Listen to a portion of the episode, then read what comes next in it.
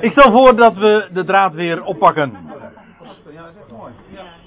We waren gebleven bij het einde van hoofdstuk 14. En ik heb al een korte intro gegeven van het 15e hoofdstuk. En dan stel ik voor dat we het regel voor regel eens gaan lezen wat daar staat in dat 15e hoofdstuk. Een lang hoofdstuk trouwens, 58 versen. Maar dan heb je ook wat. Hè? Ik maak u bekend, broeders. Het evangelie, het goede bericht dat ik u verkondigd heb. Of zoals u ziet, letterlijk dat verkondigen, dat staat letterlijk dat ik evangeliseer. Het staat in de aoris, dat wil zeggen in een, als een feit wordt dat gesteld, los van het tijdselement. Het is niet zozeer dus een, een zoals dat heet, een voltooid deelwoord, maar een, het is een, een tijdloze weergave. Het, het goede bericht dat ik, wanneer dan ook, evangeliseer.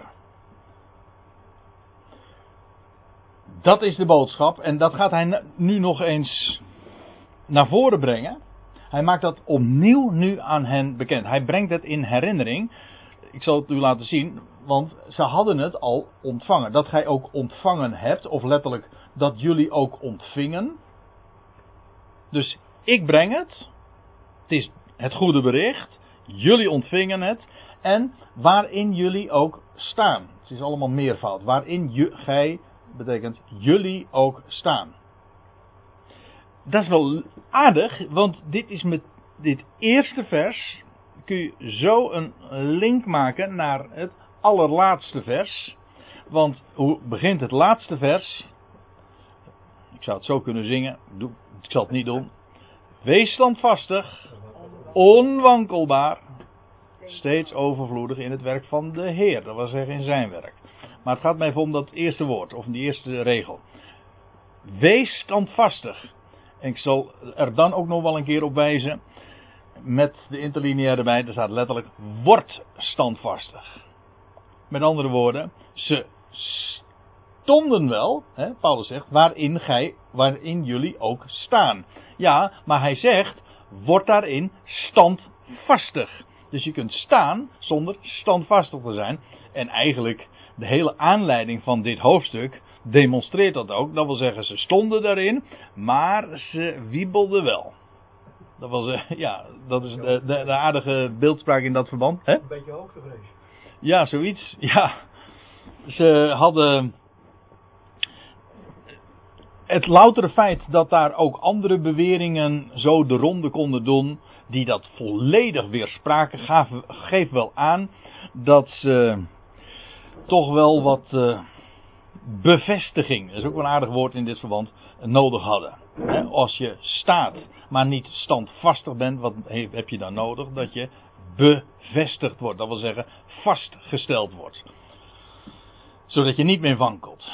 En eigenlijk is het uh, dat ook altijd het grote thema in de brieven dat Paulus uh, de ecclesia's die hij dan aanschrijft of persoonlijk mensen persoonlijk aanschrijft, blijft staan in dat wat jullie ontvingen. De boodschap is nooit van jullie moeten meer je best doen. Nee, blijf staan standvastig in dat wat jullie ooit ontvingen. En wat ze ontvingen, dat was nooit een, een moreel verhaal of een, een, een pep talk of zoiets van je kunt het wel of ga nou eens je best doen of met een bepaalde morele doelstelling. Het is gewoon een bericht. Het is een evangelie, een bericht, een mededeling over wat er gebeurd is.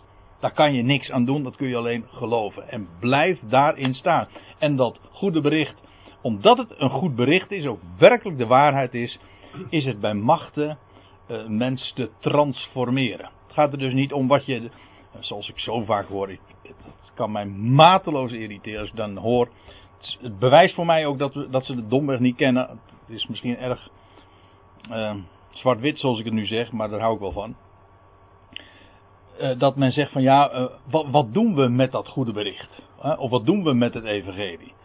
Dat is een omkering van zaken. Het goede bericht, dat is een kracht gods dat ons verandert. Het gaat er niet om wat wij ermee doen. Het gaat erom wat doet het met ons. En waar, waar het om gaat is dat je erin staat en dan zal het zijn kracht bewijzen. En in alle opzichten, want het. Uh, maar dat is dan ook een effect van binnenuit. Je wordt erdoor getransformeerd. En op het moment dat je eh, gaat praten in termen van, ja, wat doen wij ermee? Dan praat je over eigen menselijke activiteiten. Afijn, uh, het evangelie, ze, ze ontvingen het, ze stonden erin, waarin jullie ook staan, waardoor jullie ook behouden worden. Ook hier weer meervoud. Dat is het. In, waardoor wordt een mens behouden? Waardoor ontvangt een mens überhaupt uh, een de boodschap van hoop en van behoud, van nieuw leven, van een geweldige toekomst. Wel, dat is gelegen in het evangelie. Een ander is er niet. En, met andere, en dat betekent, nou laat ik het even doorlezen. Indien gij het zo vasthoudt, als ik het u verkondigd heb. Ook hier zie je trouwens weer dat verkondigd heb, dat staat er niet. Er staat, indien gij het zo vasthoudt, indien gij zo vasthoudt aan het woord, ziet u, aan het woord, dat ik evangeliseer. Daarin is behoud. Ik weet, sommige mensen hebben hieruit afgeleid of lezen het uh, oppervlakkig en zeggen van, oh, Paulus was niet zeker van hun behoud. Nee, dat is het idee helemaal niet. Hij was, als, als je hem kent, dan ben je verzegeld. Punt. Ja, en, en als hij zijn zegel zet, dan is dat never nooit meer ongedaan te maken. Wat Paulus hier zegt, is dat evangelie, wat ik jullie verkondig, het de boodschap, we zullen dat zien, van de opgewekte Christus en alles wat dat met zich meebrengt, dat heb ik jullie gebracht. Daarin is behoud. Maar als er nou geen opwekking van doden is, zoals wat er bij jullie in, in jullie kring uh, uh, door sommigen verteld wordt, nou, dan kun je naar die behoudenis wel fluiten. Want dat bestaat dan helemaal niet. Dan is er helemaal geen eens een evangelie. Met andere woorden, die behoudenis is alleen dan een feit als dat evangelie waar is. Maar als je het evangelie loslaat, ja, wat, wat is, blijft er dan van die behoudenis over? Het punt is dus helemaal niet dat Paulus niet zeker was van hun behoudenis. Het punt was, zij lieten dat evangelie in de praktijk los. Ja, en dan laat je dus ook de behoudenis los, uh, raak je kwijt, waarin waar dat evangelie juist over spreekt. Ziet u, het, de redenering is precies omgekeerd als wat men dan op, oppervlakkig erin beluistert. Tenzij gij uh, te vergeefs tot geloof zoudt gekomen zijn. Dat wil zeggen, als jullie, als dat niet waar is, dat evangelie wat ik verteld heb, ja, dan is er geen behoudenis en, en evenmin een hoop dat is slechts gelegen in dat goede bericht en anders niet. Vandaar ook dat het zo belangrijk is om daarin te blijven staan.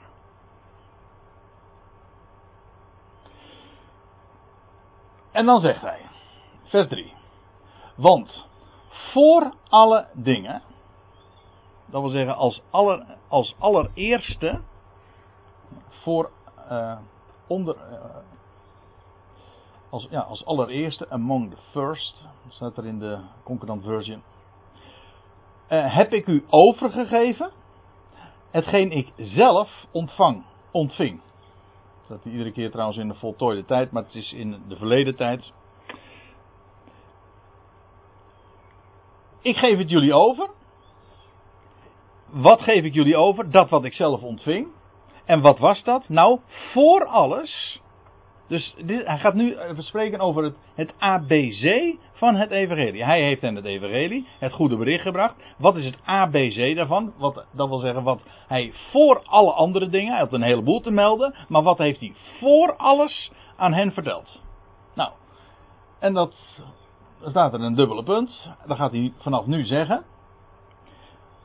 Ik zeg ABC en dat klopt in dit geval heel erg goed, want het is inderdaad ABC. Christus is gestorven. A. B. Hij is begraven. C. Hij is opgewekt. Enzovoorts. Maar dat is met recht dus A, B, C. Het eerste is, dat heeft hij als eerste verteld, Christus is gestorven. Moet je trouwens even opletten. Dat heeft hij als eerste verteld. Blader je nou naar de Evangelie, of dat nou Matthäus, of Marcus, of Lucas, of Johannes is, dan is dit wat hij als ABC doorgeeft, is het eindpunt van de Evangelie. Het einde van de genoemde Evangelie is dat hij stierf, dat hij begraven werd en dat hij opstond. Dat is het einde van de evangeliebeschrijvingen. Het is, of al, laat ik het anders zeggen, het is het plafond van Matthäus en Marcus en Lucas en Johannes. Maar het is de vloer van Paulus. Dat waar de evangeliebeschrijvingen eindigen, namelijk met de dood, begrafenis en opstanding van Christus, daar begint Paulus. Dat is zijn EABC, dat is wat hij voor alles aan hen vertelde. Niet de Jezus naar het vlees, wie hij hier was op zijn, tijdens zijn wandel, is dat dan niet van belang? Of hebben wij daar geen boodschap aan? Of kunnen wij daar niks van leren? Nou, dat is uiteraard uh, absoluut niet het geval. Heel de schrift, dus ook die evangelieën, zijn voor ons. Het spreekt van onze Heer en Heiland. Maar wij kennen Christus niet meer naar het vlees. Wij kennen hem nu als de opgewekte. En zo heeft Paulus hem ook leren kennen. Paulus kende Jezus Christus naar het vlees helemaal niet. Hij kende de opgewekte Christus. Ja, we hebben luisteraars daar uh, achterin. op, uh, je had het er al, hè, over, over op het water, Ari. over van, van wal spreken gesproken. Ja, ja. Nou, het idee was als het erg druk zou worden, dan zou we een bootje in de Rijn leggen met andere erin. Oh, ja.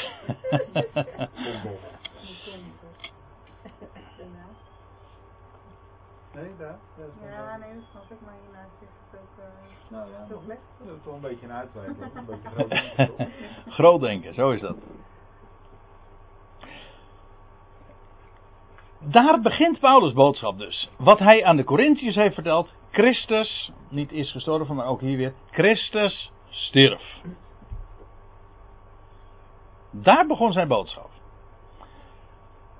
Let op, Christus stierf. Niet een beetje, ook niet bij wijze van spreken. En uh, nou kom je toch weer op iets wat erg strijdt natuurlijk met wat traditioneel uh, verteld wordt. Want ja, daar is Christus God. En dan kan hij eigenlijk ook helemaal niet sterven. Dan stierf hij bij wijze van spreken. Nee, want als hij God is, dan kon hij niet sterven. Kon hij ook niet begraven worden. En dan hoefde hij ook niet opgewekt te worden. Nee, Christus, de Messias, de, dat wil zeggen de beloofde Messias, hij stierf. Hij ging echt dood. Dat is wat Paulus vertelde. Als eerste. Dat was zijn A. Laat ik de zin heel goed ontweden. Want hij zegt Christus stierf, dat is wat er letterlijk staat. Voor, hier staat een Grieks voorzetsel, dat betekent hyper, dat is ten behoeve van. Christus stierf ten behoeve van wat? Wel, dan zegt men uh, om de straf op onze zonde te dragen. Dat leest men er zo in, maar het staat er niet. Hij stierf voor onze zonde, maar er staat niet hij stierf ten, of ten behoeve van of om de straf op onze zonde te dragen. Over de straf op onze zonde wordt helemaal niet gesproken. Dat, met onze kerkelijke bril of onze traditioneel christelijke bril wordt dat er automatisch ingelezen. Maar ik zal u dit vertellen, de Bijbel spreekt daar niet over. Dat Christus stierf over, om, ons, om de straf op onze zonde te dragen. Ik weet, het is. Het, dat is ABC trouwens van het, uh, het traditionele evangelie. Ja, als ze zeggen, ik weet dat Jezus de straf op mijn zonde gedragen heeft. Waar staat dat? Hij stierf voor onze zonde. En onze is trouwens heel breed, maar daarover straks meer. Maar hij stierf voor onze zonde. Namelijk om ons van, om van ons, zeg het maar, om ons van onze zonde te bevrijden. Maar denk daar nou niet die woorden bij om de straf op onze zonde te dragen. want dan is het verhaal, wat men daar altijd over zegt, van ja, wij zijn zondaren en God is daar torend daarover. Dat moest gestraft worden en dat konden wij niet dragen. En in plaats van dat wij het droegen, of zouden dragen, heeft, is Christus in onze plaats getreden. En heeft hij de toren en de straf van God gedragen. En nu hebben, hoeven wij niet meer die straf te dragen. Zo, dat idee. En ik weet, het wordt alom verteld. Maar kijk het maar eens in uw Bijbeltje na. Het staat nergens dat Christus de straf op onze zonde gedragen heeft. Nergens. Hij stierf, ja, door de hand van moordenaars. En God heeft door die weg, gaat hij ons bevrijden. En trouwens ons, en dat bedoel ik dus inderdaad eh, ons als gelovigen, maar zo, breed als je het maar wil hebben. Gaat hij daardoor, doordat Christus is gestier- gestorven, gaat hij de hele wereld zonderloos maken. Bevrijden van onze zonde en een totaal nieuw leven geven. Hij stierf dus met recht voor onze zonde. Maar niet, lees dat er niet in, om de straf op onze zonde te dragen. Dat mag een. eh, waarbij eh, het idee dan ook is dat God eh, de, de torende God is. En dat eh, Christus een, de functie eigenlijk van een, een bliksemafleider had. En, en Gods toren droeg. Nooit lees je dat, eh, dat, dat God torende aan het kruis. Op zijn zoon.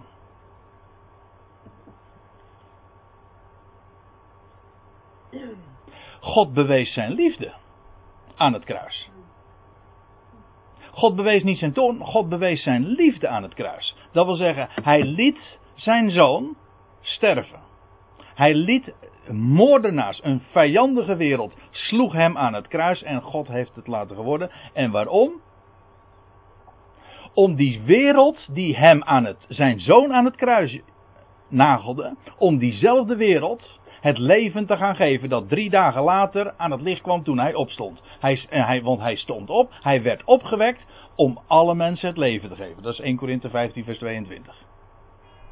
Dat leven wat Christus aan het licht bracht op de derde dag, dat is het leven wat hij aan de wereld geeft. Aan die wereld die zijn zoon aan het kruis sloeg. Nou, dat bewijst liefde. Dus een wereld die zijn zoon vermoordt, dus allemaal een, een moorddadige wereld, die geeft hij het leven. Nou, dat is liefde.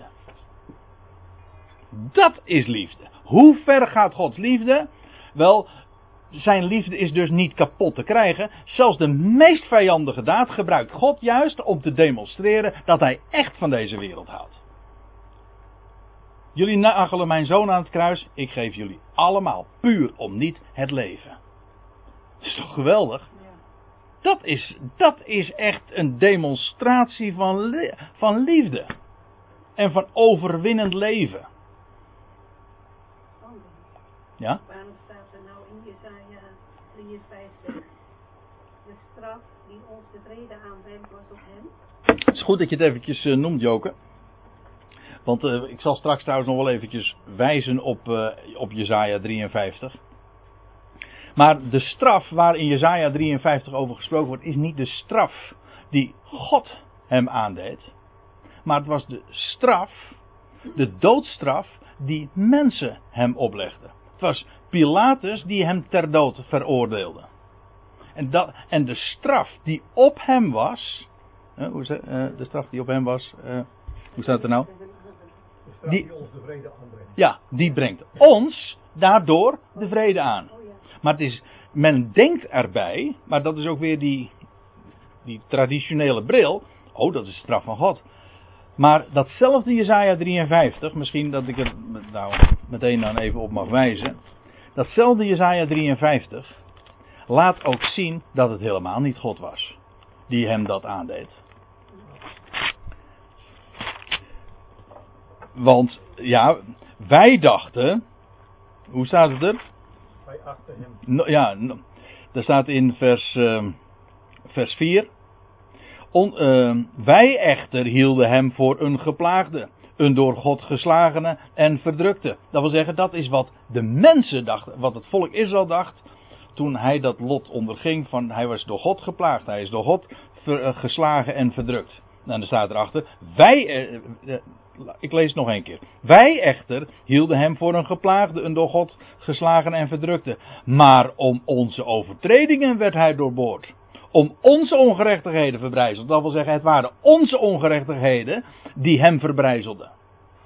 De grootste onrecht dat men beging, dat zorgde ervoor dat hij verbrijzeld werd. Het is niet zo dat hij door God geslagen werd. Dat, dat dacht men.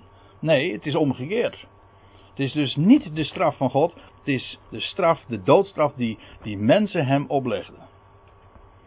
Dat is een, een, een totaal ander verhaal. En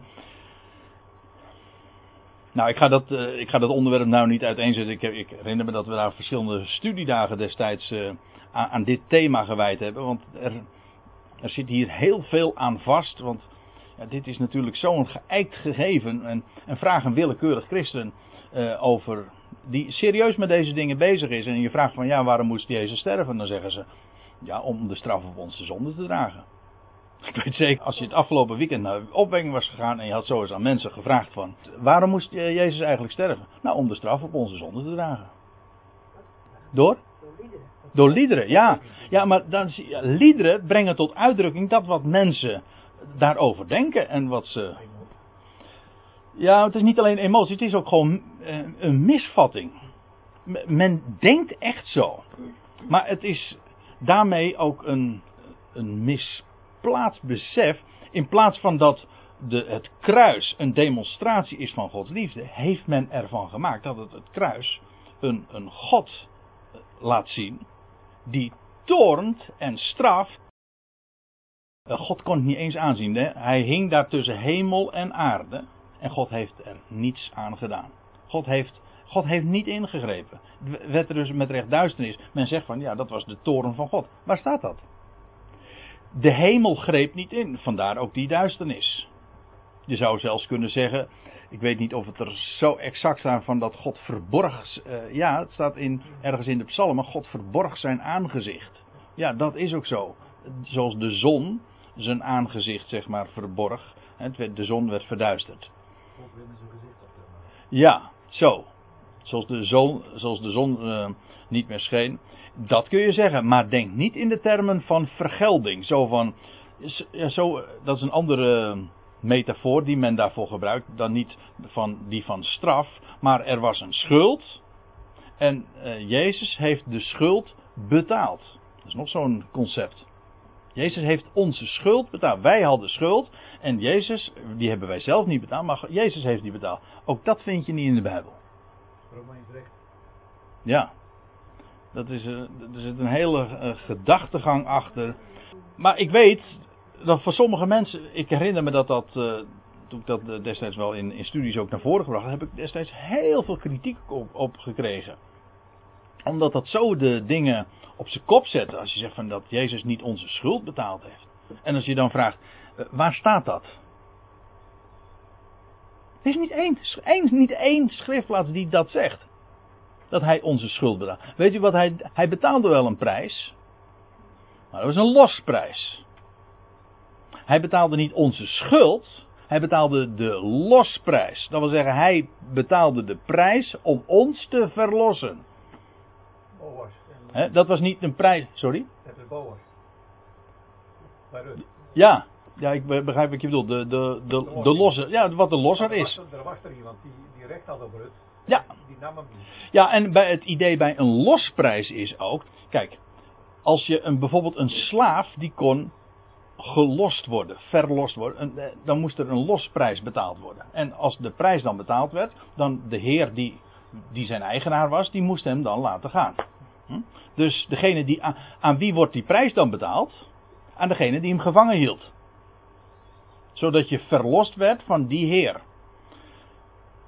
Maar dat is een heel ander idee dan bij schuld. Want dan werd, als, als Jezus de schuld betaalt, de schuld betaalde, dan is het idee dat de prijs werd betaald aan God. Maar de prijs werd niet betaald aan God. God zelf betaalde de prijs om ons vrij te maken. Wij waren gebonden in de dood. En hij die de macht van de dood heeft, aan hem werd de prijs betaald.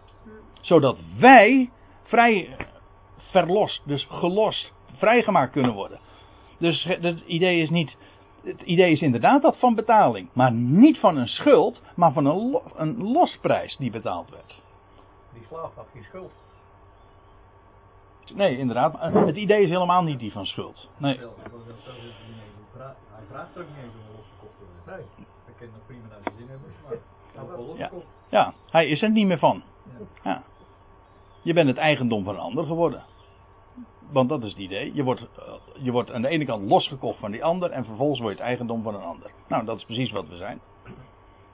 Dus het is niet een prijs die betaald werd aan God, maar het is een prijs die betaald werd door God. Dus je staat op de markt, dan staat er zo die andere slaven, en dan komt er iemand en zegt, koop ze allemaal.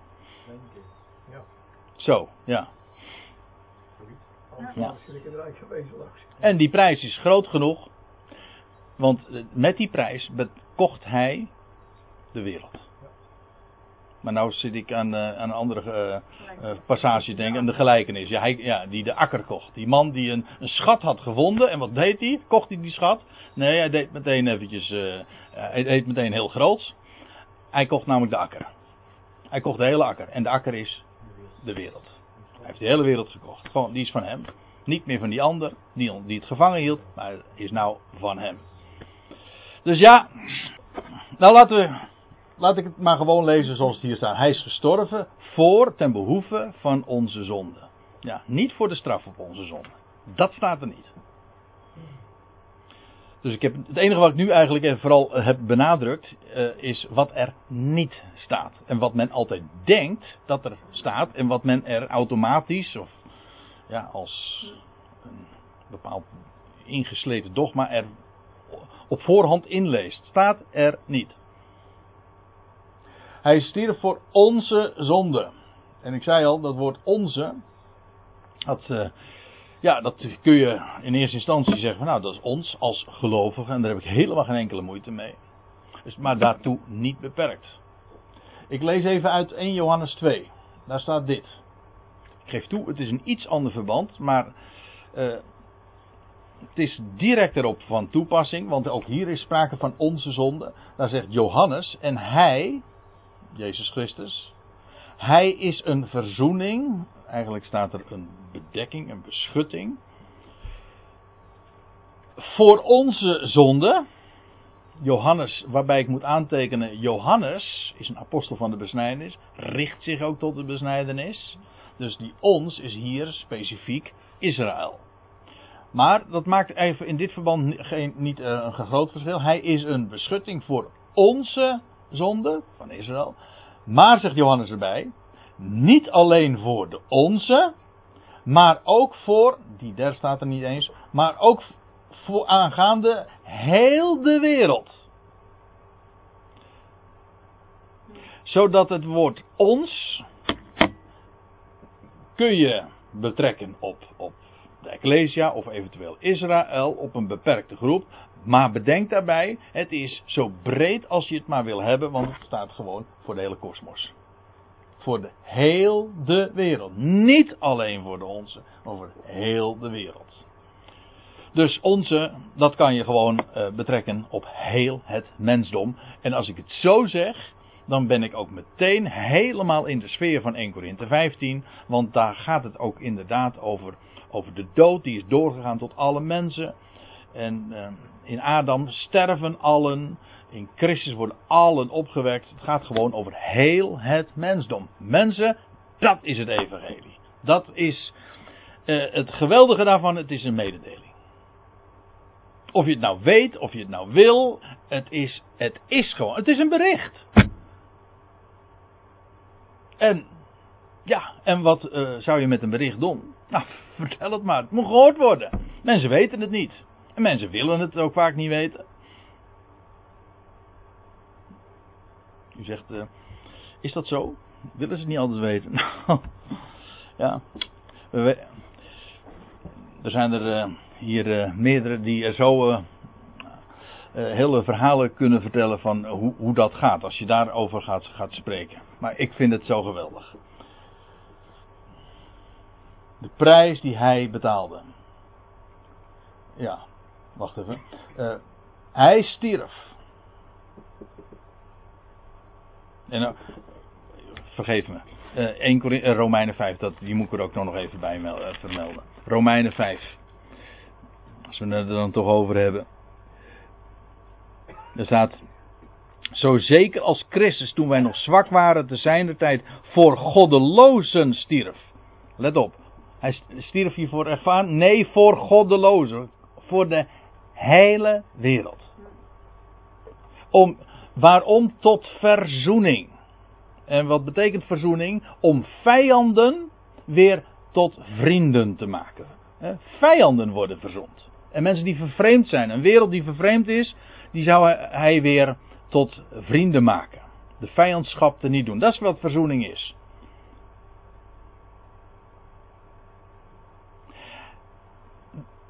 Dat Christus eh, te zijner tijd voor goddeloze stierf. Want niet licht zal iemand voor een rechtvaardige sterven, maar misschien heeft iemand nog de moed voor een goede te sterven, zegt Paulus er dan bij. God echter bewijst zijn liefde jegens ons doordat Christus, toen wij nog zondaren waren, voor ons stierf. En in vers 10 zegt hij dan nog, want als wij toen wij vijanden waren met God verzoend werden door de dood van zijn zoon. Nou, veel meer en dan gaat hij nog verder. Maar het punt is, hij stierf als bewijs van Gods liefde. Niet als bewijs van Gods storen, maar als bewijs van Gods liefde. Hoeveel houdt God van deze wereld? Kijk naar het kruis. Zelfs als ze zijn zoon aan het kruis nagelen, dan nog is hij liefde. Sterker nog, juist daardoor gaat hij aan die wereld, diezelfde wereld het leven geven. Dat is liefde. Dat is liefde. Dat is, en juist, hij stierf als een bewijs van zijn liefde. Dus ik las eh, van, vanavond nog een, eh, een Facebook berichtje met een mooie foto. You are never too lost to be saved. Oh. Je bent nooit te verloren om gered te worden. je bent nooit te vijandig. Je bent nooit te vijandig om verzoend te worden. Sterker nog, je moet eerst een vijand zijn om verzoend, überhaupt verzoend te kunnen worden. Dat is het ene is onze, eh, dat hebben wij mogen doen en het andere neemt hij voor zijn rekening. Wij zijn verloren, hij redt. Wij zijn vijandig, hij verzoent. Christus stierf voor onze zonden. Zodat onze zonden voorbij zullen zijn. En voorbij zijn nu. In hem een nieuwe schepping. Staat erbij naar, dat wil zeggen, staat een Grieks voorzetsel betekent in overeenstemming met de schriften. Nou, we gaan dat nu maar even niet uh, eens na. Want dat zou echt een heel uitgebreid onderwerp zijn. Het is gewoon, ik, Paulus zegt het hier ook alleen maar als, als mededeling. Hij, gaat het niet, hij neemt niet eens de moeite om dat nu verder te staven. Hij, wat hij wel zegt is dat hij, dat hij dit ooit gepredikt heeft. En dat hij ook heeft laten zien dat het naar de schrift is. Dat wil zeggen, naar wat, er, wat zij al kenden vanuit de schrift, de, de Tenach, ons Oude Testament. Ja, waar moet je beginnen? Nou, ik zou zeggen, begin bij Genesis 1, want dan vind je het meteen al hoor. Genesis 2, Genesis 3, overal. In al die verhalen, ik, eh, alle, alle typen, alle voorzeggingen. Over het zaad van de vrouw, dat, de, uh, dat uh, de hiel, waarvan de hiel vermorseld zou worden. Maar waardoor juist het kop van de slang hoe was het? Het probleem is, ik heb nou uh, de laatste tijd heb ik, ik, ik heb dit vers diverse keren onder ogen gehad, maar met verschillende vertalingen. En dat kan wel eens lastig zijn. Dan is het lastig om het letterlijk te citeren. Ja. Ik zal vijandschap zetten tussen u en de vrouw, tussen uw zaad en haar zaad. Dit zal u, er wordt tegen de slang gezegd, hè, de kop vermorselen en gij zult het de hiel vermorselen. Dat is ook alweer God die dat doet. Ja, ja. God belooft, God aankondigt het aan. Ja. Maar ook die vijandschap wordt er ja. Ja, ik zal vijandschap zetten. En de overwinning is uh, aan hem. Oké, okay, naar de schriften. Niet alleen dus uh, typologisch, maar ook gewoon regelrechte voorzeggingen. En hij is begraven. Ook dat vind je in de psalmen. Maar wat dacht u van dat vers? We hadden het zojuist over Jezaja 53. Daar lees je in vers 9. En men heeft zijn graf bij de goddeloze gesteld. Dat wil zeggen, daar zou hij begraven worden. Immers, hij werd gekruisigd en hij zou met de goddeloze begraven worden. Met misdadigers zelfs. Maar bij de rijken is hij in zijn dood geweest. Het is een tegenstelling. Men heeft zijn graf bij de goddeloze gesteld. Dat wil zeggen, dat is, ik geloof ook dat de concurrent version uh, appointed. Dat wil zeggen, zo had men dat bepaald. Maar, niettemin, dat had men zo gepland. Maar bij de rijken was hij, is hij in zijn dood geweest. En we weten hoe het gegaan is. Hij zou inderdaad met de criminelen uh, gekruisigde uh, een begraven van het, lichaam, van het kruis gehaald worden en daar begraven worden. Maar een rijke, Jozef van Arimathea, daar werd hij, kwam hij in, uh, in het graf. Was het niet In- zo dat ze de criminelen en zo de dood... Dat was er ook niet zo ver vandaan. Nee, nee, dat. Eh, vielen ze zo de afgrond heen. eh, beneden. Dan kom je in de hel. Ja. zou, ja. Is hij nog, is hij ook, tot, tot- dan zou hij toch ter helle gevaren zijn. Maar dat is hij niet, hij is bij de rijk in de dood geweest. ja. Dus hij is, als dat al de planning geweest zou zijn, ik blijf vanaf, het zou best kunnen, ik, eh, ik weet het niet. Dan eh, moeten we toch in ieder geval vaststellen, daar is hij niet geweest. Hij is bij de rijk in de dood geweest.